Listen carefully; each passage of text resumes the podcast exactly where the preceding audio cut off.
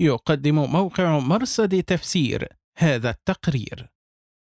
التأليف في المتشابه اللفظي المظان والأوعية وتقويم توجهات الاشتغال البحثي المعاصر. للكاتب دكتور محسن بن علي الشهري. ويدور هذا التقرير حول لا يخفى تعدد الكتابات والتوجهات في علم المتشابه اللفظي. ويسعى هذا التقرير إلى رصد التآليف في توجيه المتشابه اللفظي قديما وحديثا وتسليط الضوء على توجهات التآليف المعاصر بصورة خاصة ومحاولة تقويمها بغية الإسهام في تطوير الدرس المعاصر في هذا الباب. التآليف في المتشابه اللفظي المظان والأوعية وتقويم توجهات الاشتغال البحثي المعاصر. تمهيد يمثل موضوع المتشابه اللفظي أهمية بالغة الشأن فمنذ نزول القرآن الكريم إلى يومنا هذا كتب في المتشابه اللفظي كتابات عديدة وصدرت فيه آراء متعددة. وقد ازداد الاهتمام البحثي المعاصر بتوجيه المتشابه اللفظي وكثرت فيه الكتابات وتنوعت. وفي هذا التقرير سأحاول رصد التآليف في توجيه المتشابه اللفظي قديما وحديثا وأبين توجهات التآليف المعاصر بصورة خاصة وأقوم بتقويمها. بغية الإسهام في تطوير مسار الدرس المعاصر في هذا الباب المهم خاصة وأن المسار لم يحظى بتقويم متكامل يبرز واقع البحث فيه ويبين توجهاته ومساراته. وسيأتي تقريرنا مقسوما لقسمين. أحدهما للكلام على مظان وأوعية التأليف في المتشابه اللفظي قديما وحديثا والثاني لبيان توجهات التأليف المعاصر في توجيه المتشابه وتقويم هذه التوجهات. القسم الأول. التأليف في المتشابه اللفظي. مظان التأليف وأوعيته. من المعلوم أنه منذ بداية التأليف في القرن الأول من الهجرة لم تكن الحقول المعرفية متميزة عن بعضها بل كانت متداخلة ومتشاركة. وتلك طبيعتها وسمة من سمات التأليف في القرون الأولى. وكانت معالجة المتشابه اللفظي تتم بصورة منثورة في كتب البلاغة والتفاسير وغير ذلك. ثم أخذت الكتابة في المتشابه تفرد لها مؤلفات مستقلة، غير أن ذلك لم يكن مانعا من استمرار معالجة موضوع توجيه المتشابه في ذات المظان التي ظهر فيها منثورا في بادئ أمره. ولذا فإننا سنرصد ها هنا في القديم والحديث المظان التي يوجد فيها توجيه المتشابه اللفظي والكتابات المستقلة في هذا الباب، ونستهل ذلك بالتأليف القديم. أولاً: التأليف القديم في توجيه المتشابه اللفظي. من الهامش: يمكن أن نعد هنا أن ما كان ضمن المئة سنة الأخيرة فهو معاصر وما قبل ذلك فهو قديم. عودة إلى المقال. الأول: مظان التأليف في المتشابه اللفظي المنثور.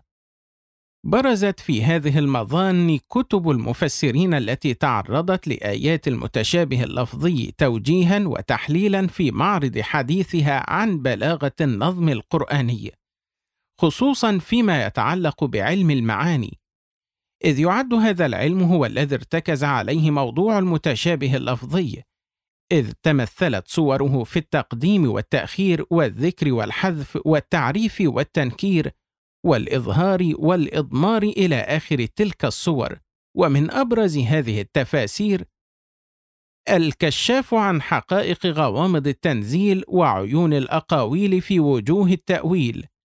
لجار الله الزمخشري. توفي سنة 538 هجرية. فقد تعرض لتوجيه بعض المتشابهات قاصدا لبيان أسرار النظم القرآني. والزمخشري وإن لم يصرح بالمتشابه اللفظي إلا أنه أدخله ضمنا في علم المعاني كما بين في مقدمته لمن أراد أن يتصدر لتفسير الكتاب العزيز. وقد أفاد من جاء بعده ممن عني بالتفسير البياني. مفاتيح الغيب أو التفسير الكبير لفخر الدين الرازي. توفي سنة 606 هجرية. وقد توسع الرازي في تناول آيات المتشابه اللفظي وأطال الوقوف عندها كما أفاد منه المفسرون بعده. الجامع لأحكام القرآن لأبي عبد الله محمد بن أحمد القرطبي. توفي سنة 671 هجرية. البحر المحيط في التفسير لأبي حيان الغرناطي. توفي سنة 745 هجرية.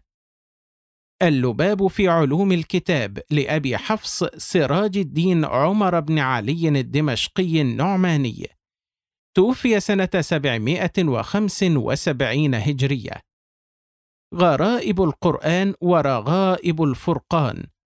لنظام الدين الحسن بن محمد القمي النيسابوري.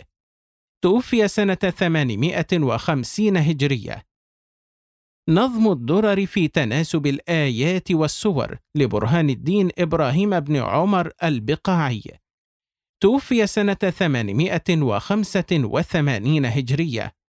والبقاعي فيما ظهر لي من تفسيره أنه كان شديد التأثر بالغرناطي سواء من كتابه البرهان في تناسب سور القرآن أو ملاك التأويل وحتى عند توجيه الآيات المتشابهة من قبل البقاعي ألحظ تأثره بمنهج الغرناطي.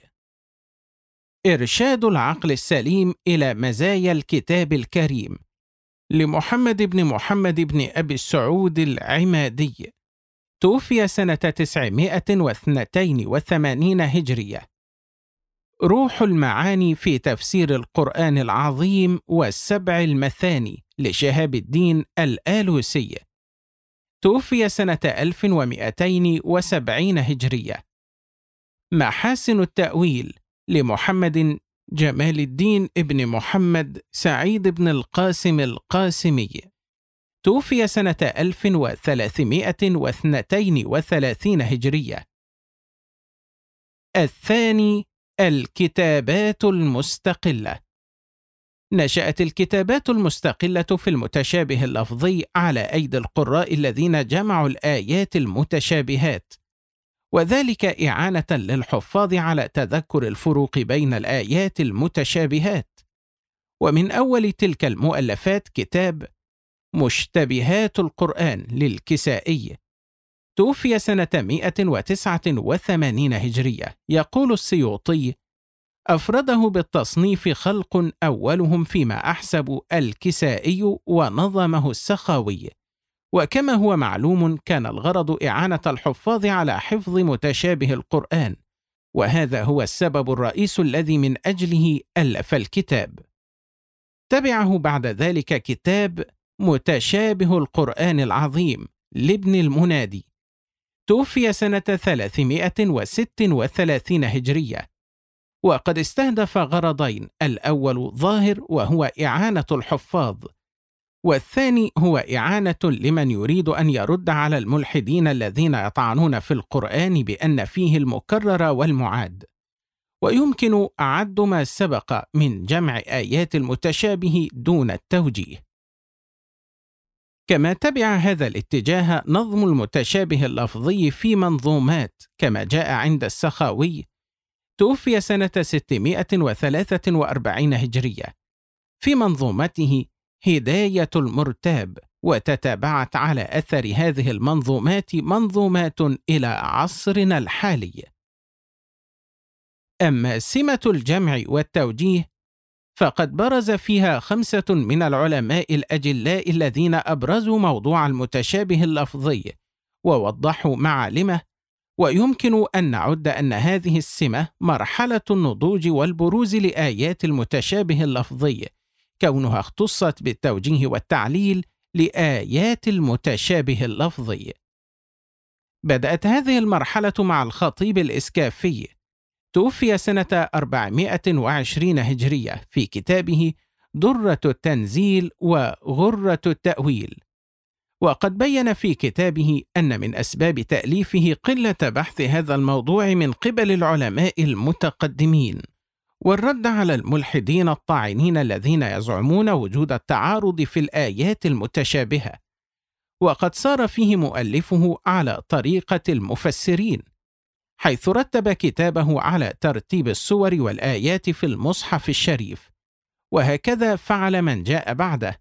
وقد اعتمد أسلوب الخطيب الإسكافي على المناقشة ومخاطبة القارئ في أثناء تحليله.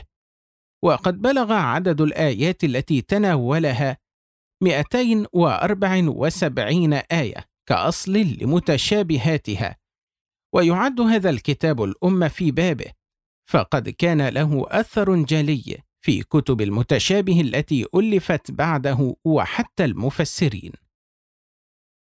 ثم الكرماني توفي سنة 500 هجرية في كتابه البرهان في متشابه القرآن. وقد استدرك الكرماني كثيرا من الآيات التي فاتت الإسكافي اتسم أسلوبه بالإيجاز الشديد والاختصار الدقيق في توجيهه للآيات المتشابهات. ثم الغرناطي. توفي سنة 708 هجرية في كتابه ملاك التأويل القاطع بذوي الإلحاد والتعطيل في توجيه المتشابه اللفظ من آي التنزيل. ويعد كتابه أهم هذه الكتب وأوسعها لإضافته الكثير من الشواهد مع استقصاء لوجوه التشابه بينها وقد بسط فيه العبارة وبين ووضح مما أبرز شخصية المؤلف بروزا جليا كما تميز أسلوبه بالمناقشة والحوار مع القارئ. ثم كتب بدر الدين بن جماعة توفي سنة 733 هجرية كتاب كشف المعاني في المتشابه من المثاني. وقد أفاد ابن جماعة ممن كتب قبله لا سيما الكرماني فقد أفاد منه كثيرا وسار على نهجه كما غلب على أسلوب ابن جماعة الإيجاز. كما كتب زكريا الأنصاري توفي سنة 926 هجرية كتاب فتح الرحمن بكشف ما يلتبس في القرآن. ويعد كتابه آخر كتب القدامى في موضوع المتشابه اللفظي. وكان عمله بمثابة التكرار لما كتبه السابقون. كما بين ذلك في مقدمته. كما كانت له إضافة في بيان وتوضيح الآيات التي قد يشكل فهمها. كما أشار المؤلف إلى ذلك في اسم كتابه. وتعد هذه المؤلفات الخمسة أساسا في المتشابه اللفظي حيث أسهمت في رسم خطوطه وتوضيح معالمه وصارت نبراسا لمن سلك الطريق فيما بعد. ويمكن أن نخلص إلى أن مظان التأليف قديما في المتشابه اللفظي ظهر على وجهين. الوجه الأول المنثور وهو ما جاء في كتب التفاسير الوجه الثاني المستقل ويمكن تقسيمه إلى قسمين. الجمع دون التوجيه وهو ما لاحظناه على أيدي القراء. الجمع مع التوجيه وفيه برز المتشابه اللفظي جليا واضحا كما جاء عند علماء المتشابه المشار إليهم. ثانيا التأليف المعاصر في توجيه المتشابه اللفظي. كما الحال في القديم هناك مؤلفات منثورة وهناك مؤلفات انصب اشتغالها على المتشابه اللفظي وفق توجهات سنبينها. وفيما يأتي نبين هذه المظان الأول معالجة المتشابه بطريقة منثورة وفيها ألف التفاسير تفسير القرآن الحكيم تفسير المنار لمحمد رشيد بن علي رضا الحسيني. توفي سنة 1354 هجرية إلا أن تفسيره توقف عند سورة يوسف.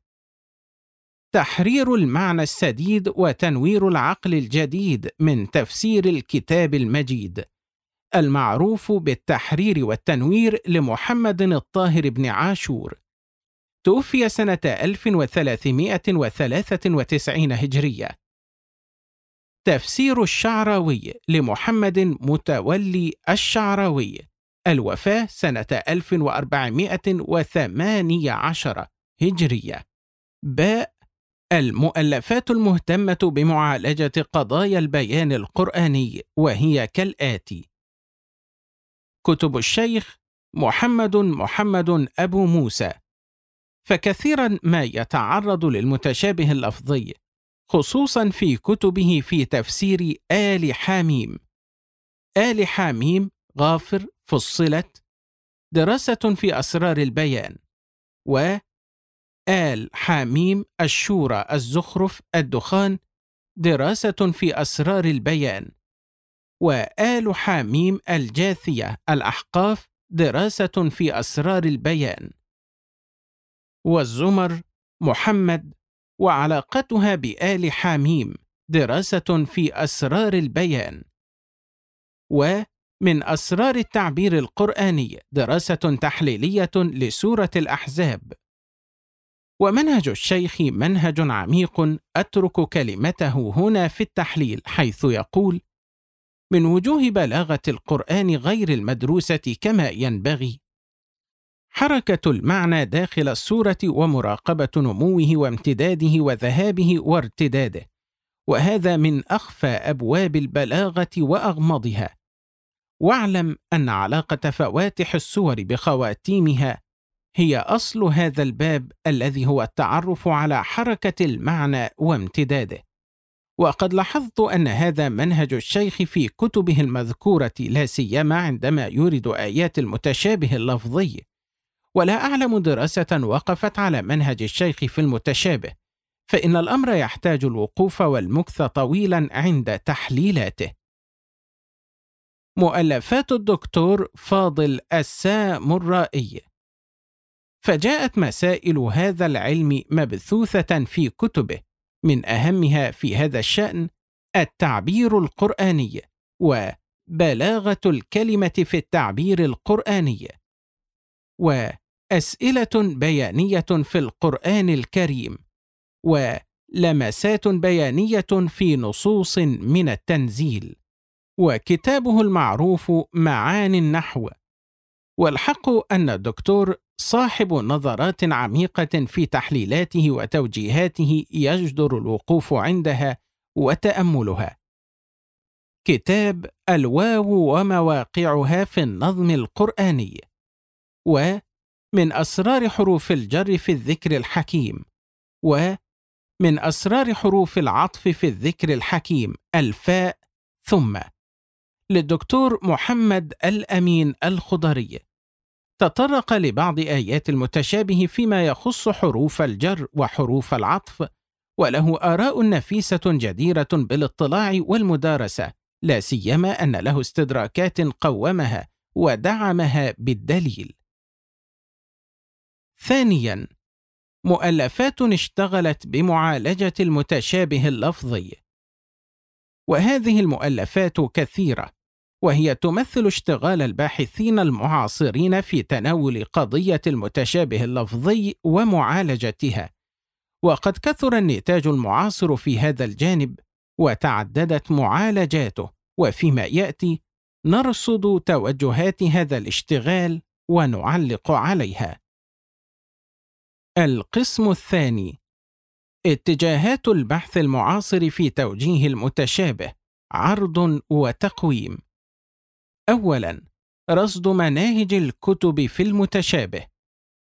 وهذا النمط يشمل الاشتغال بتحرير مناهج ممن كتبوا في المتشابه سواء أكانت كتابتهم بصورة مستقلة أو منثورة وفيما يأتي بيان ذلك.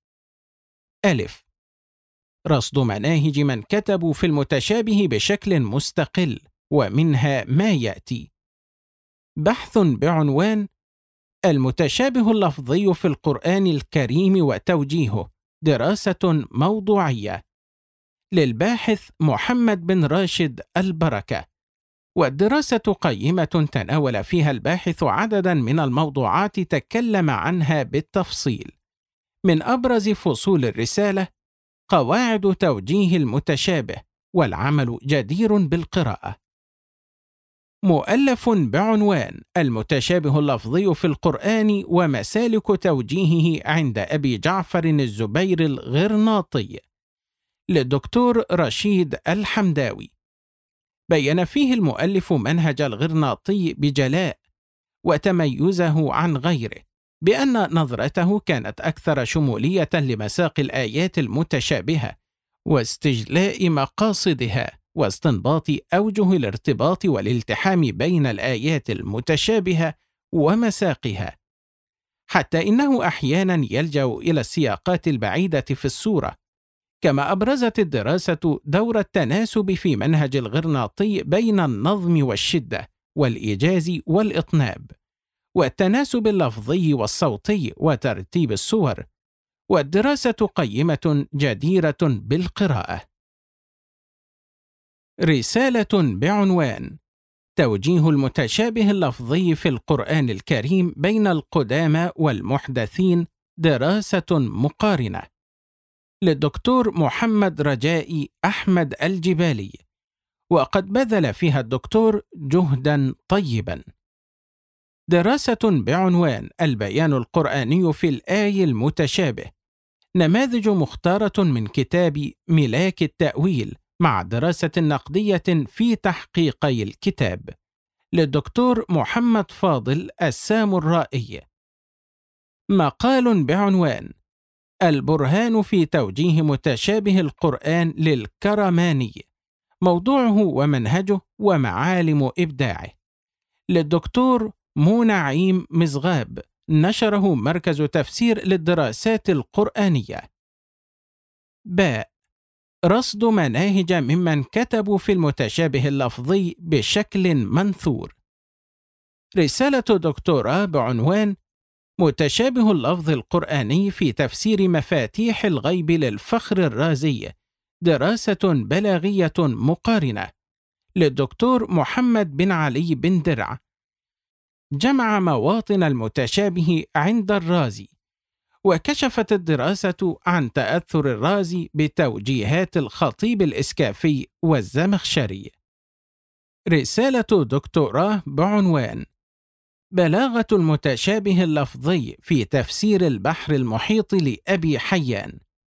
للدكتورة مريم بنت عبد الله القرشي.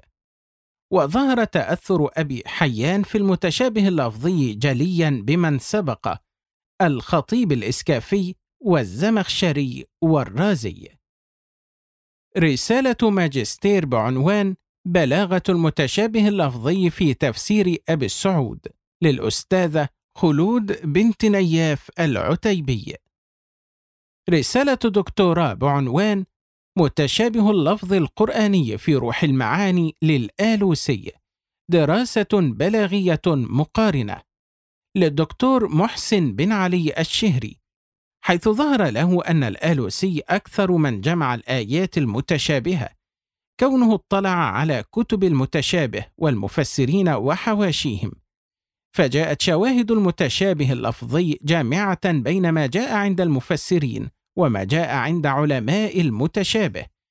وعن التأثر فأجده تأثر بالإسكافي والزمخشري والرازي والطيبي وأبي السعود. رسالة دكتوراه جمعت مواطن المتشابه عند ابن عاشور بعنوان توجيه الطاهر بن عاشور للمتشابه اللفظي في التحرير والتنوير دراسة تحليلية مقارنة. للدكتور خلدون بن سعود القرالة. ومن يطلع على تفسير التحرير والتنوير يلحظ توسع ابن عاشور في المتشابه اللفظي. دراسة بعنوان تأويل المتشابه عند المفسرين لمحمد عباس نعمان الجبوري. حاول الباحث أن يبين الاتجاهات الرئيسة للمتشابه كما تطرق إلى مرجعيات تأويل المتشابه ومستويات فهمه والدراسة جيدة. ثانياً، معالجة أحد مسائل توجيه المتشابه اللفظي. انطلق التأليف في المتشابه اللفظي حديثاً متجاوزاً المراحل السابقة، وذلك طبيعي حيث إن العلوم استقلت وبانت حدودها، وتشققت أفكارها لا سيما بعد ظهور المناهج الحديثة التي أفادت منها العلوم في توجيه فروعها وتقسيم مسائلها. ومن الكتابات في هذا الباب ما يأتي: بحث بعنوان التعريف والتنكير في بعض مواضع المتشابه اللفظي في القرآن الكريم دراسة نحوية دلالية. للدكتور عبد الله ابن محمد السليماني. بحث بعنوان التقديم والتأخير في المتشابه اللفظي في القرآن الكريم دراسة نحوية دلالية للدكتور بريكان بن سعد الشلوي. بحث بعنوان الحذف والذكر في المتشابه اللفظي في القرآن الكريم دراسة استقرائية تطبيقية. للباحث منصور محمود حسن أبو زينة. بحث بعنوان الفصل والوصل في متشابه النظم القرآني دراسة بلاغية تفسيرية لكل من الدكتور محمد الحوري والدكتور منصور أبو زينة. ثالثاً: تحرير التشابه اللفظي في القرآن. وهذه دراسات عنيت بشكل مباشر بتحرير التشابه اللفظي في القرآن في نطاق محدد عملت من خلاله.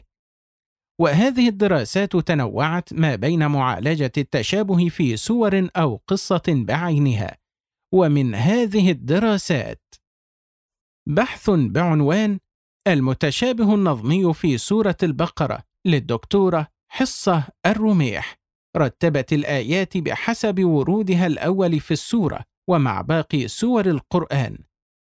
بحث بعنوان بلاغة التشابه اللفظي في سورة آل عمران. للباحثة منى بنت فهد أحمد. درست فيها ثلاثين آية بين متشابه النظم في سورة آل عمران وسورة آل عمران وما تشابه فيها مع غيرها. بحث بعنوان المتشابه اللفظي في سورة الأنعام دراسة بلاغية. للباحثة هند بنت جميل بن صالح درست فيه الباحثة 44 آية ما تشابه في السورة نفسها ومع غيرها من السور. رسالة ماجستير بعنوان بلاغة المتشابه اللفظي في سورة التوبة للباحثة ريم بنت زيد القحيز ذكرت فيه المتشابه في السورة نفسها وما تشابه فيها مع غيرها. دراسة بعنوان متشابه النظم القرآني في قصة آدم عليه السلام للدكتور عبد الجواد محمد محمد طبق. دراسة بعنوان قطوف من المتشابه اللفظي في قصة سيدنا موسى عليه الصلاة والسلام للدكتور زكريا بن علي الخضر. دراسة بعنوان دلالة السياق وأثرها في توجيه المتشابه اللفظي في قصة موسى عليه السلام دراسة نظرية تطبيقية للباحث فهد بن شتاوي الشتوي. رابعاً: معالجات أخرى، وهي معالجات متنوعة في اشتغالها البحثي، ولما تتراكم فيها جهود بحثية، وهذه المعالجات منها ما عني بالاستدراك على التأليف قديما وذلك في كتاب استدراك ما فات من بلاغة الآيات المتشابهات للدكتور سعد عبد العظيم. تجاوز فيها المؤلف كتب المتشابه بقصد ذكر الآيات التي لم ترد عند علماء المتشابه اللفظي وأبرز أسرارها البلاغية كما أنه وحد منهجه مع علماء المتشابه من حيث تناول الآيات بحسب ترتيب السور في المصحف الشريف. وافتتاح التوجيه بالاستفهام لما قيل كذا في سورة كذا وقيل كذا في سورة كذا أسوة بعلماء المتشابه بيان الأسرار البلاغية والإعجازية للمتشابه وذلك في رسالة دكتوراه بعنوان المتشابه اللفظي في القرآن الكريم وأسراره البلاغية للدكتور صالح بن عبد الله الشثري. تناول فيها المؤلف الكتب الخمسة المؤسسة لموضوع المتشابه اللفظي. فعرف بها وبمؤلفيها ثم عمد إلى آيات المتشابه اللفظي الواردة في الكتب الخمسة. فتناول منها 183 موضعا من أصل 380 موضعا. جاعلا تقسيم الآيات بناء على علم المعاني تقديما وتأخيرا وذكرا أو حذفا وتذكيرا أو تأنيثا وتعريفا أو تنكيرا وإفرادا أو تثنية أو جمعا وإبدالا بحرف أو كلمة. وتعد هذه من الدراسات القيمة في المتشابه اللفظي.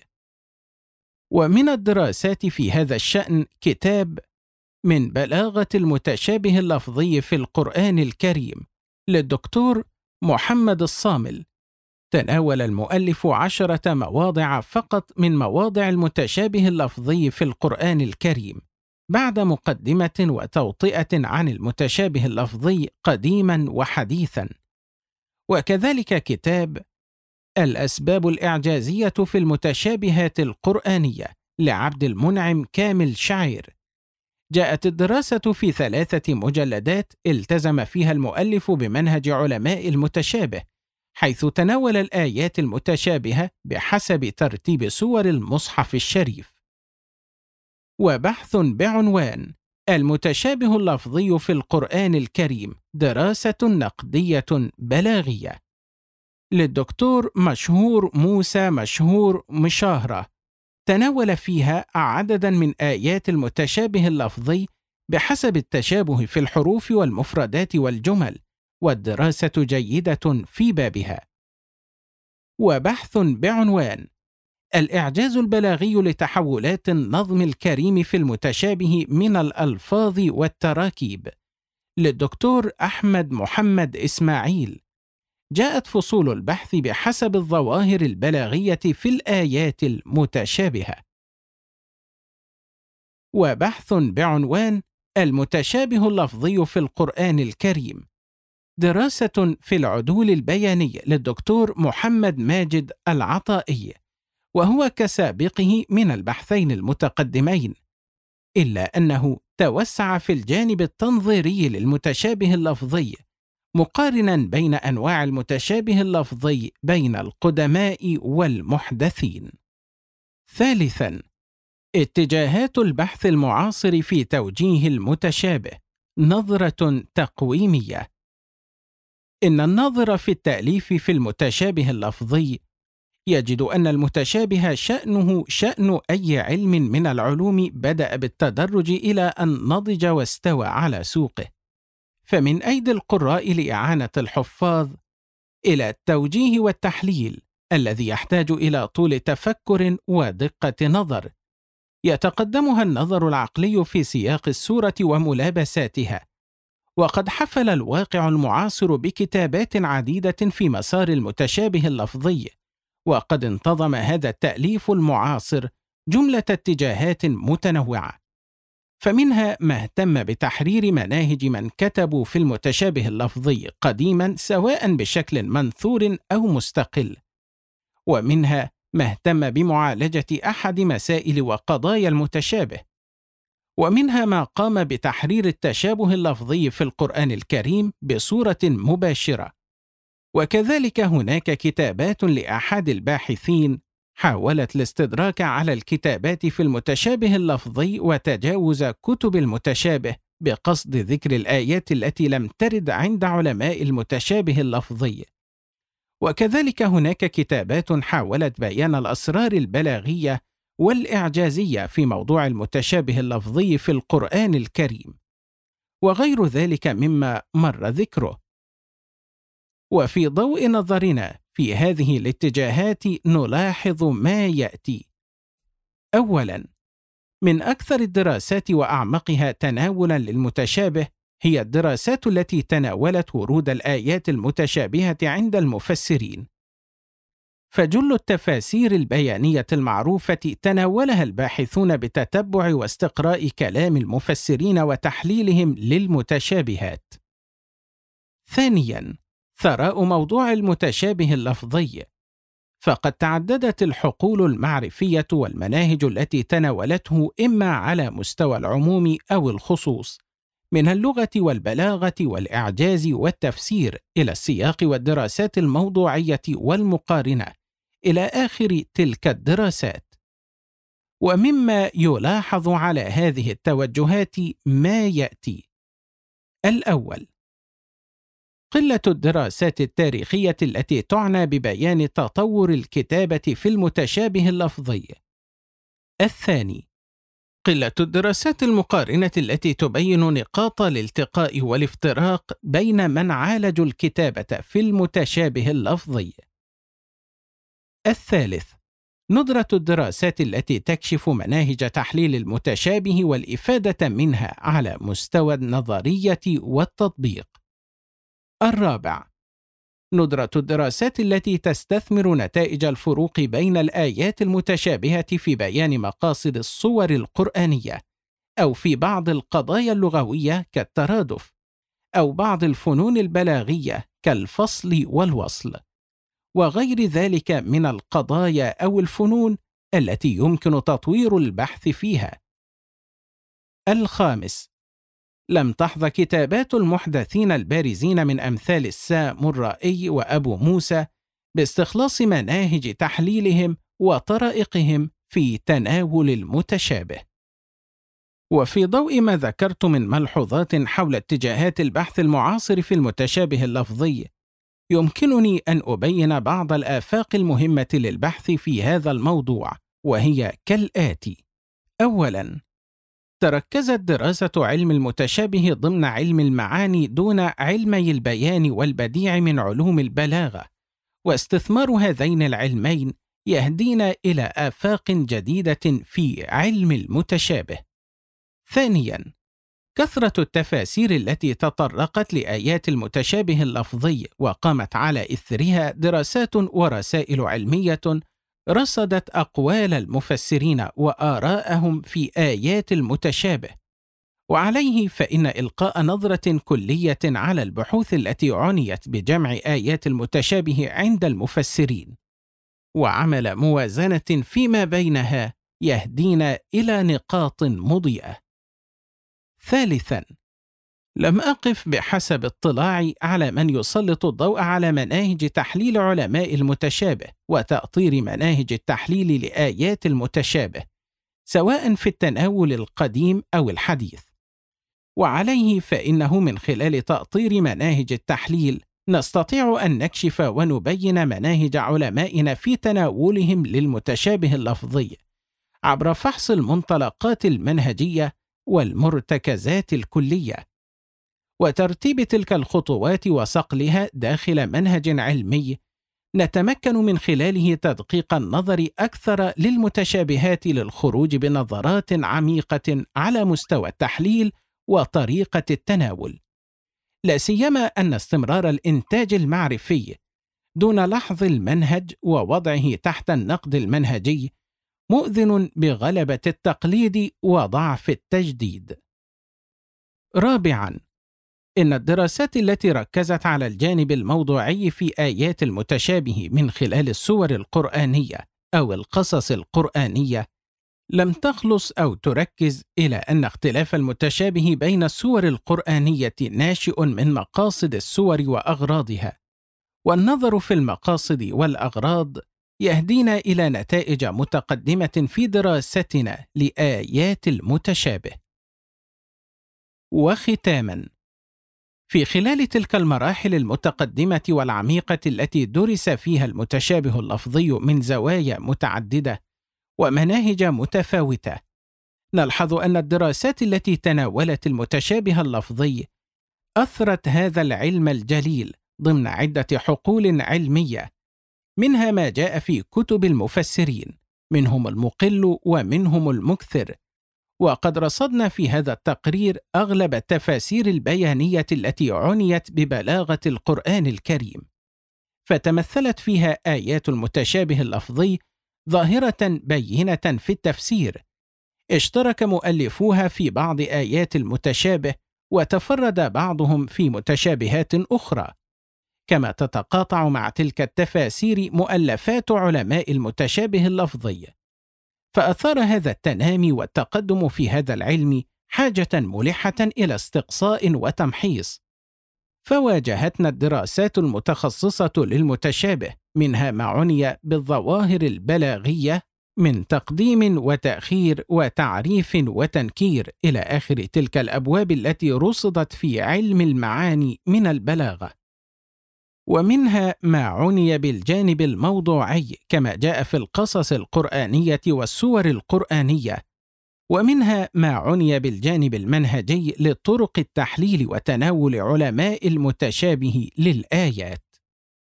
ولا غرو أن تلك الدراسات فتحت افاقا جديدة وفجوات معرفية. وحري بالباحثين أن يتناولوا هذه الفجوات بالبحث والمدارسة.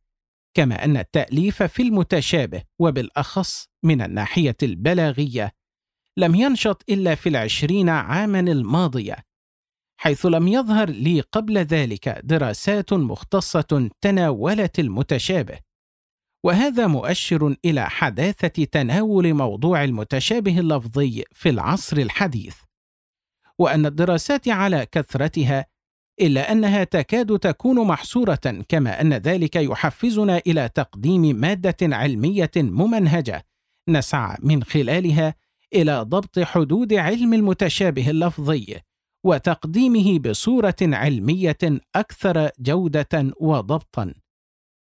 نسأل الله التوفيق والسداد وصلى الله على نبينا محمد وآله وصحبه أجمعين. استمعتم إلى تقرير التأليف في المتشابه اللفظي المظان والأوعية وتقويم توجهات الاشتغال البحثي المعاصر. للكاتب دكتور محسن بن علي الشهري.